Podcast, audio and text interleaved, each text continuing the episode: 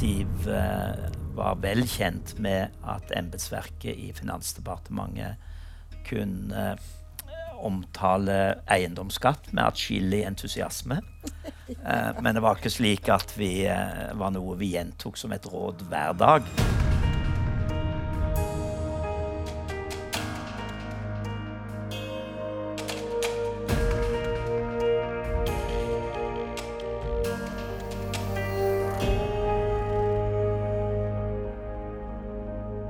Velkommen til fjerde episode av Godt byråkratskjønn. En podkast i seks episoder om de syv embetspliktene. I alle episodene ser vi nærmere på forholdet mellom byråkraters lojalitetsplikt og en av de andre embetspliktene. Embetspliktene er beskrevet i retningslinjene om forholdet mellom politisk ledelse og embetsverk. I dag retter vi søkelyset mot forholdet mellom lojalitetsplikten og plikten til partipolitisk nøytralitet. Vi spør igjen om det kan oppstå konfliktforhold mellom pliktene. Og vi skal søke å belyse hvordan begge plikter kan oppfylles ved å utvise godt byråkratskjønn. Mitt navn er Fridtjof Søgaard, og jeg er til daglig strategidirektør i Forsvarsdepartementet. For å belyse forholdet mellom lojalitet og partipolitisk nøytralitet har vi fått med oss tidligere sentralbanksjef og finansråd Svein Gjedrem og tidligere finansminister Siv Jensen. Svein Gjedrem, du begynte din karriere i Norges Bank, deretter i Finansdepartementet, hvor du som relativt ung ble sjef for økonomiavdelingen.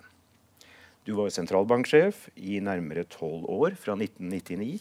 Og du var finansråd, altså øverste administrative leder i Finansdepartementet, både før og etter dette. I til sammen nærmere syv år. Du er vel den eneste som har hatt den stillingen i to perioder, så vidt vi har kunnet finne ut. I dag innehar du flere styreverv, bl.a. er du styreleder i Helse Sør-Øst. Velkommen så mye til deg. Takk for det. Takk for det. Siv Jensen, du er nok en av deltakerne i denne podkastserien som ikke trenger nærmere eh, presentasjon, men rett skal være rett. Du var innvalgt i, som uh, stortingsrepresentant for Oslo fra 1997 til i år. Altså i hele seks perioder. Og du var leder av Fremskrittspartiet fra 2006 til 2021. Du var finansminister i Erna Solbergs regjering fra 2013 til 2020. Dermed er du ifølge våre kilder den som har sittet lengst sammenhengende som finansminister i Norge siden parlamentarismen ble innført i 1984. 1884. Takk.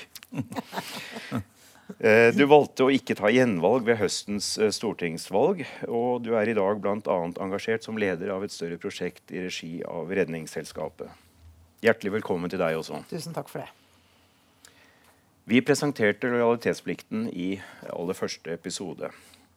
Når det gjelder plikten til partipolitisk nøytralitet, understrekes det i retningslinjene at embetsverket skal betjene enhver regjering uansett parti.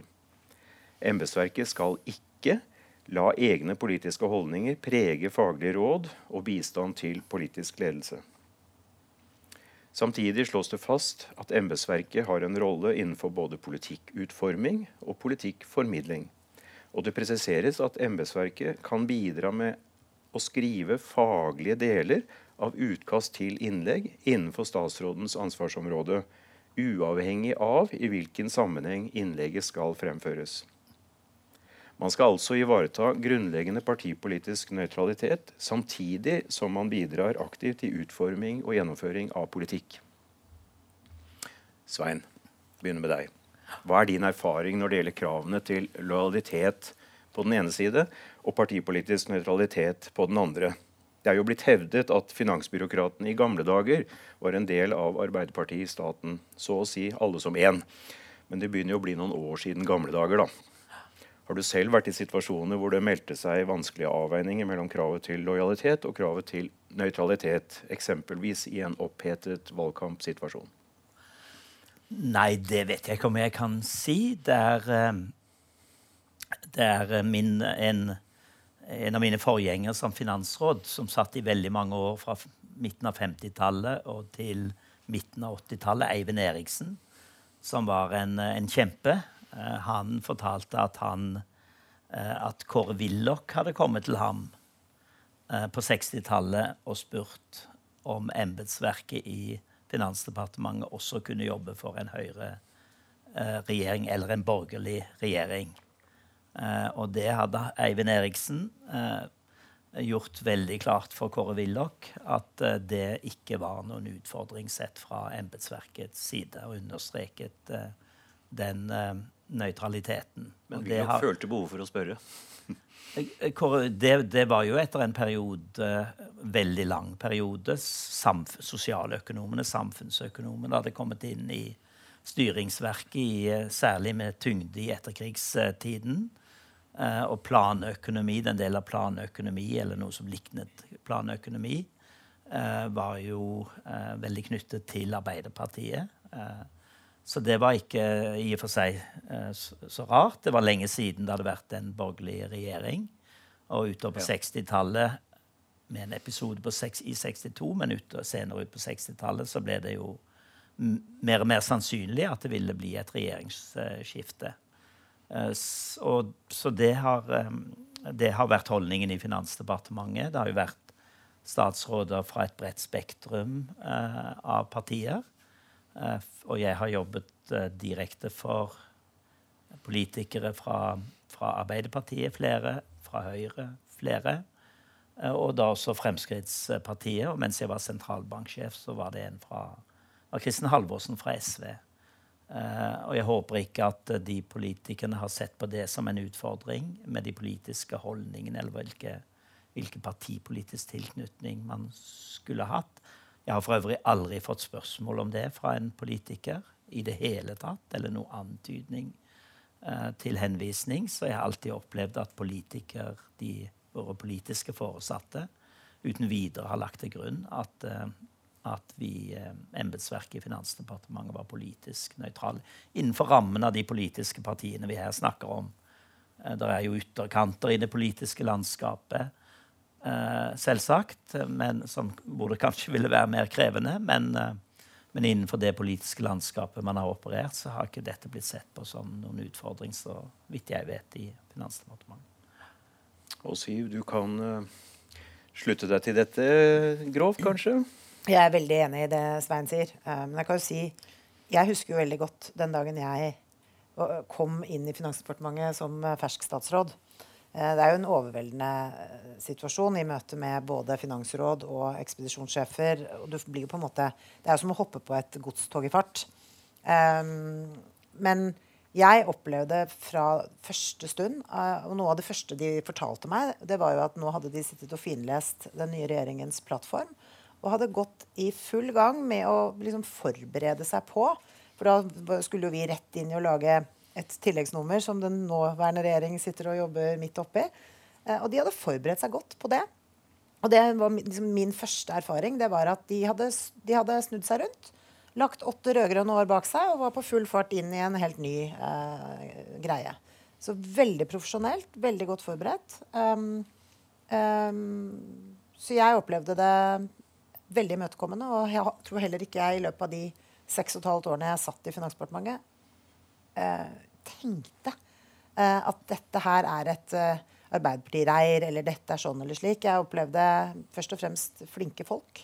Flinke embetspersoner som eh, gjorde alt de kunne for at jeg skulle gjøre jobben min på en god måte.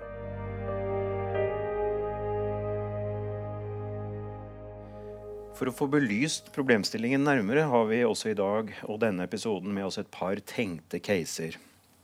I dag dreier begge seg om uh, at embetsverket i noen grad tilpasser det som fremsendes politisk ledelse, til hva man antar at politisk ledelse vil ha størst nytte av.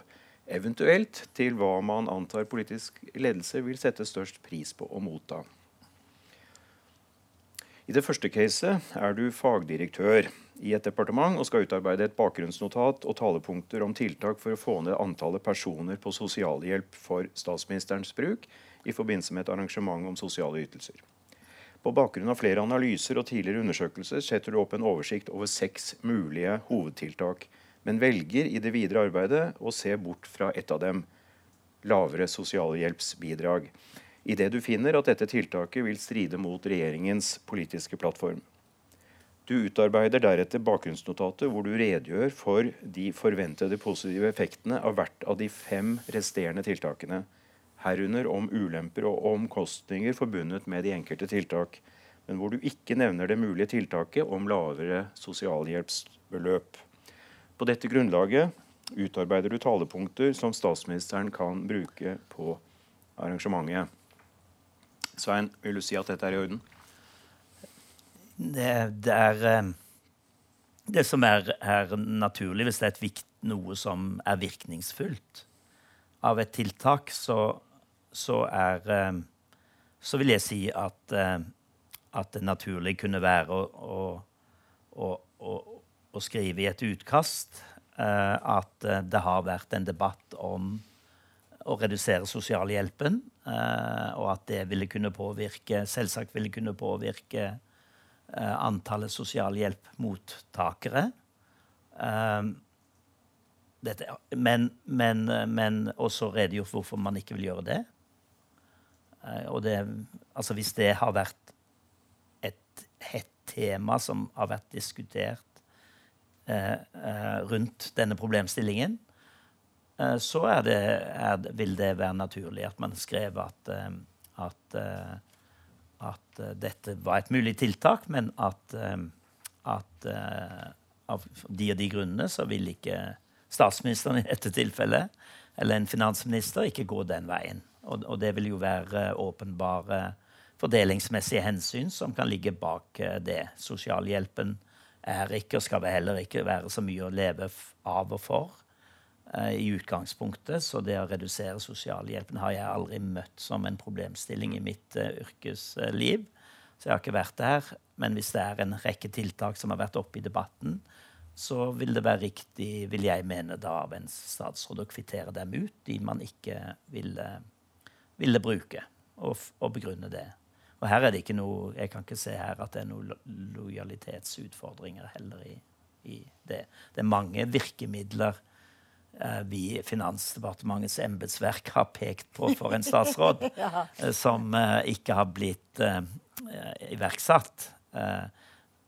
Siv var vel kjent med at embetsverket i Finansdepartementet kunne omtale eiendomsskatt med atskillig entusiasme. men det var ikke slik at vi var noe vi gjentok som et råd hver dag. For det ville ikke være så så produktivt. Men eh, det er jo ikke det er jo et fritt rom å snakke om den type ting også ved visse anledninger. Men, eh, men vi er jo også kjent med eh, hva de ulike partiene og politikere har som sine prioriteter. Jeg kan ta en veldig fersk, eller kanskje ikke så fersk lenger, da, men den første perspektivmeldingen eller den perspektivmeldingen jeg la frem som finansminister, um, så pekte man jo på et sett av virkemidler for hvordan man skulle finne handlingsrom eh, i årene fremover, når man så at det kom til å bli stadig trangere, eh, og at demografiske sammensetninger kom til å gå som den gikk. Hvordan skal man da skaffe handlingsrom til veie? Vel, i hele prosessen med perspektivmeldingen så kom jo embetsverket opp med alle eh, mulige og umulige forslag til hvordan dette kunne skje. Og jeg hadde jo med i den perspektivmeldingen også tiltak som stred mot regjeringens eh, eh, plattform. Eh, og vi brukte det til og med veldig aktivt som talepunkter. At det er mulig å se for seg at vi skal gjøre denne type kutt. Men det anbefaler ikke denne regjeringen. Og vi forklarte, Da fikk vi jo egentlig en anledning også til å forklare hvorfor vi mente det var en dårlig idé. Det var en rom for en innsparing, mm. men vi ville ikke forfølge det videre. Og jeg må si at min erfaring var at jeg foretrakk å få opplyst om alle alle muligheter. Eh, for det var nå til syvende og sist opp til meg å trekke konklusjonene. Det skulle jo ikke embetsverket gjøre. Men de skulle opplyse meg, og da mener jeg de også plikter å opplyse om eh, de tingene som potensielt er i strid med den politikken som du har gått til valg på. Så denne fagdirektøren burde ha opplyst om at også dette er et moment, ja, men for øvrig ikke gått videre på ja. det. Det er den konklusjonen jeg trekker ut av det dere sier. Også i det andre caset er du fagansvarlig i et departement. Eh, og din overordnede ber deg om å utarbeide en tale som statsråden har bedt om til bruk under et offentlig debattmøte. Din statsråd ønsker å fortelle om regjeringens politikk på integrasjonsområdet, og ber om at det i talen inngår tall som viser utviklingen i innvandrergruppers kriminalitet, og som fokuserer på den positive utviklingen som har funnet sted mens regjeringen har hatt makten. Du utarbeider et notat med utkast til tale vedlagt. Notatet belyser kriminalitetsutviklingen på en dekkende måte, men i taleutkastet tar du kun med de formene for kriminalitet Eh, hvor utviklingen støtter statsrådens politiske sak. Selv om det ikke helt gir et dekkende bilde av den samlede utviklingen. Siv, denne gangen spør jeg deg først. Ville du sagt at den fagansvarliges måte å håndtere saken på her er, er OK? Nei, ikke OK. Ikke jeg syns ikke det. Igjen så skal altså Fagansvarligs jobb er å opplyse statsråden og politisk ledelse på best mulig måte. Og så har vi, altså, hvert fall Den erfaringen jeg har, er at vi gikk mange runder. Vi. Først faglig, og så på en måte diskuterte vi oss frem til hvordan skal vi nå håndtere dette, og så trakk vi konklusjonene. Og i, på veien til å trekke konklusjoner hadde jeg masse faglige, jeg vil si mer faglige enn politiske diskusjoner med embetsverket i, i, departementet. Vi fikk brynt oss ordentlig på. Ikke minst f.eks. da vi skulle lage, lage eh, denne forskriften for eh, boliglån, boliglånsforskriften. Eh, veldig krevende. For her skulle man prøve å tilpasse både eh, et politisk landskap med virkemidler som funket. Og det brukte vi ganske mye tid på. Men til syvende og sist var det jeg som hadde ansvaret for å trekke konklusjonene. Hva skal vi ha med, hva skal vi ikke ha med? Eh, og jeg opplevde alltid at når, når jeg hadde trukket konklusjonene, så fulgte embetsverket det opp lojalt og effektivt. Og du nikker. Svein? Ja, ja den, den, saken du nevner, der vil det være naturlig eh, Der vil det være naturlig å skrive om også den kriminalitetstypen som hvor det hadde vært en negativ utvikling. Men samtidig, hvis det er noe som går dårlig, så vil en politiker også ha en mening om hva man skal gjøre med det. Så da vil det være naturlig også å skrive noe. Her har det ikke gått så bra på den kriminalitetstypen. Men en politiker skal jo ikke etablere et problem uten å prøve å si noe om hvordan man skal håndtere det. Så det vil jo være naturlig da å si noe om hvordan man vil håndtere akkurat den kriminalitetstypen som du eh, eh som, som i, i, ditt eh, tilfelle. Så jeg ser ikke dette som en, en, stor utfordring. Det er jo sånn at uh, alt går jo ikke på skinner. No, no. Det, det, hender aldri at alt går på skinner. Og en statsråd må jo være virkelighetsnær. Og hvis han, ikke, han eller hun ikke er virkelighetsnær, så, så varer, varer, hun ikke så lenge. Så det, det, ser jeg ikke som noen utfordring i, i det hele tatt. Det er faktisk en større utfordring for en statsråd hvis man ender opp med å underslå fakta.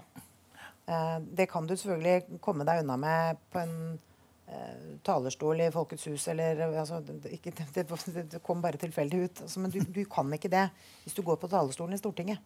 Mm du skal ikke underslå fakta. Altså, det, er ikke, det, er ikke, sånn at man må eh, fortelle alt hele tiden. Men man må jo være opplyst om det.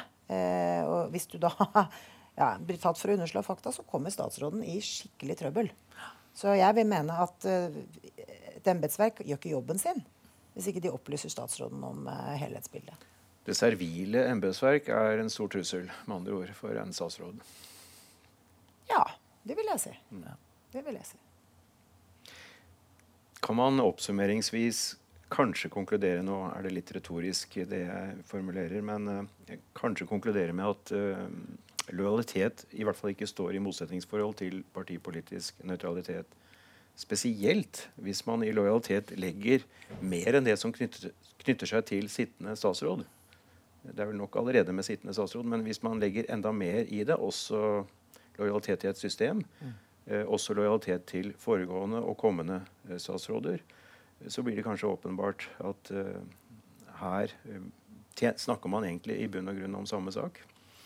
Altså En slik videre forståelse av lojalitet vil formodentlig også være i den enkelte politikers, politikers interesse, gitt at demokratiet jo nettopp innebærer at statsråder og regjeringer kommer og går. Eller for å spisse det ytterligere kan man konkludere med at partipolitisk nøytralitet faktisk er en forutsetning for lojalitet forstått i en slik bredere forstand? Eh, jeg vet ikke om jeg nå svarer på spørsmålet ditt, men jeg hadde tenkt jeg skulle ta med et eksempel i alle fall, som uh, belyser dette med lojalitet. og som har en, en fremtredende rolle i Finansdepartementets embetsverks historie. Og det er Det knytter seg til EU-kampen i 1972.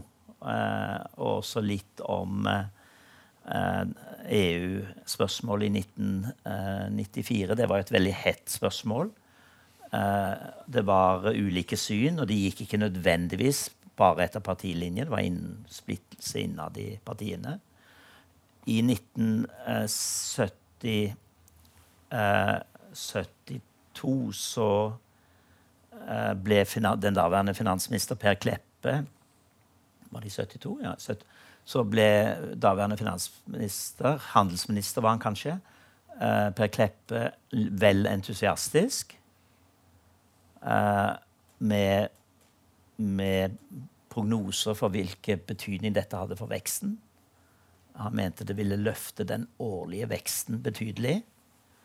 Uh, og det er et krevende stykke når du øker den årlige veksten. hvis dere kan, uh, liksom, så, så, får du en helt, som vi vet fra pandemiens tid Hvis du har en høyere vekstrate, så blir det nokså eksplosivt. Uh, så det var for optimistisk, og det vekte reaksjoner internt i Finansdepartementet. Og det var også flere yngre, litt yngre embetsmenn som da deltok i det offentlige ordskiftet og talte sin statsråd imot. Uh, og det, det, ble håndtert i Finansdepartementet på ingen måte som et lojalitetsbrudd, vil jeg si. Jeg vil tro at uh, den politiske ledelsen den gangen hadde litt vondt i magen i sakens anledning. Men dette var embetsmenn som senere gjorde en strålende karriere i Finansdepartementet. Så det ble ikke oppfattet som et brudd på den lojalitetskulturen som var i Finansdepartementet. Fordi man helt klart mente Og selvsagt så hadde disse også tatt opp internt først, før de gikk ut. Eh, men mente her at eh, de mente her, og de, jeg kjenner jo disse godt, selv om jeg ikke var der selv. Eh, de mente at eh, finansministeren her hadde gått altfor langt i et faglig spørsmål. Jeg vil si at Noe av den samme problemstillingen kunne ha kommet opp i, i den neste EU-valgkampen. Og det var også da diskusjoner om de økonomiske virkningene. Og Der tegnte jo også regjeringen i den avgjørende stortingsmeldingen et, et positivt bilde av de økonomiske virkningene. Men da ble det gjort på en litt annen måte. Da sto det ikke at det sto ikke at det ville bli sånn.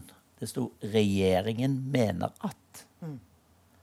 Uh, og hvis du ser setninger inni en stortingsmelding hvor det står 'regjeringen mener at', så betyr det at regjeringskollegiet, dvs. Si finansminister og statsminister, har tatt det opp et hakk. Og, og de står inne for det. Mm. Uh, og da er det noe annet. Nå var det ikke, dette ikke så konfliktfylt i utgangspunktet i, i, i, i, 1974, men det viser også en måte å håndtere spørsmål på hvor det ikke er 100 enighet mellom analysen i et embetsverk og det som en regjering ærlig kan mene. Dette går ikke på at uh, noen tar feil, eller, eller, sånn, men det er en ærlig mening fra regjeringen, fra statsminister og finansminister. Og da kan det gjøres på den måten. Uh, da markerer man det litt med hvordan setningen bygges opp. Så jeg mener dette, dette er, disse tingene skal være håndterbare ja. på den måten. Jeg skal gi to uh, andre korte eksempler. Det ene er fordi et statsbudsjett, når regjeringen legger frem et statsbudsjett, så er det mye politikk i det. Det er jo ikke utelukkende embetsverket som har laget et statsbudsjett. Um, og da kommer det veldig mange budsjettspørsmål uh, til Finansdepartementet. Og det er jo ikke alltid at altså For de besvares jo faglig og, og ikke politisk. det er alt vesentlig. Av og til er det konflikter mellom det en regjering har foreslått, og det embetsverket faglig anbefaler. Det opplevde jeg hele tiden, og det var aldri noe problem. Uh, sånn måtte det være. Et eksempel. Et annet eksempel. Um, jeg hadde ikke vært finansminister veldig lenge før jeg ble gjort oppmerksom på at en av de jeg jobbet veldig tett med en periode i embetsverket, en ung, veldig flink eh, byråkrat, hadde en lokalpolitisk tilknytning til et annet parti. Det holdt jeg aldri mot han. Vi jobbet kjempegodt sammen. Han laget, eh, vi, vi var ute på en skikkelig sånn, turné og holdt på med masse ting. Strålende flink. Og etter hvert så sluttet han og begynte å jobbe politisk for partiet sitt i Stortinget. Jeg opplevde aldri, verken mens han jobbet i departementet eller etter at han hadde gått over til eh, et konkurrerende parti, at han misbrukte den lojaliteten og taushetsplikten som han hadde i rollen som embetsmann. Um, og det syns jeg er noe av det, det, det, er fint at det går an å være sånn, men da er man klar over rollen sin og, og håndterer den på en god måte. Jeg trekker ut det. Er man profesjonell eh, og kjenner sin rolle, så kommer man veldig langt eh, og riktig av sted. Eh, vi er dessverre nødt til å, å nærme oss avrundingen. Jeg må få lov å takke dere veldig for å ha delt av erfaringer, verdifull innsikt. Det ble veldig bra. Vi håper og tror at det var til nytte for deg som lytter. Og vi håper du vil være med oss også i neste episode av podkasten Godt byråkratskjønn.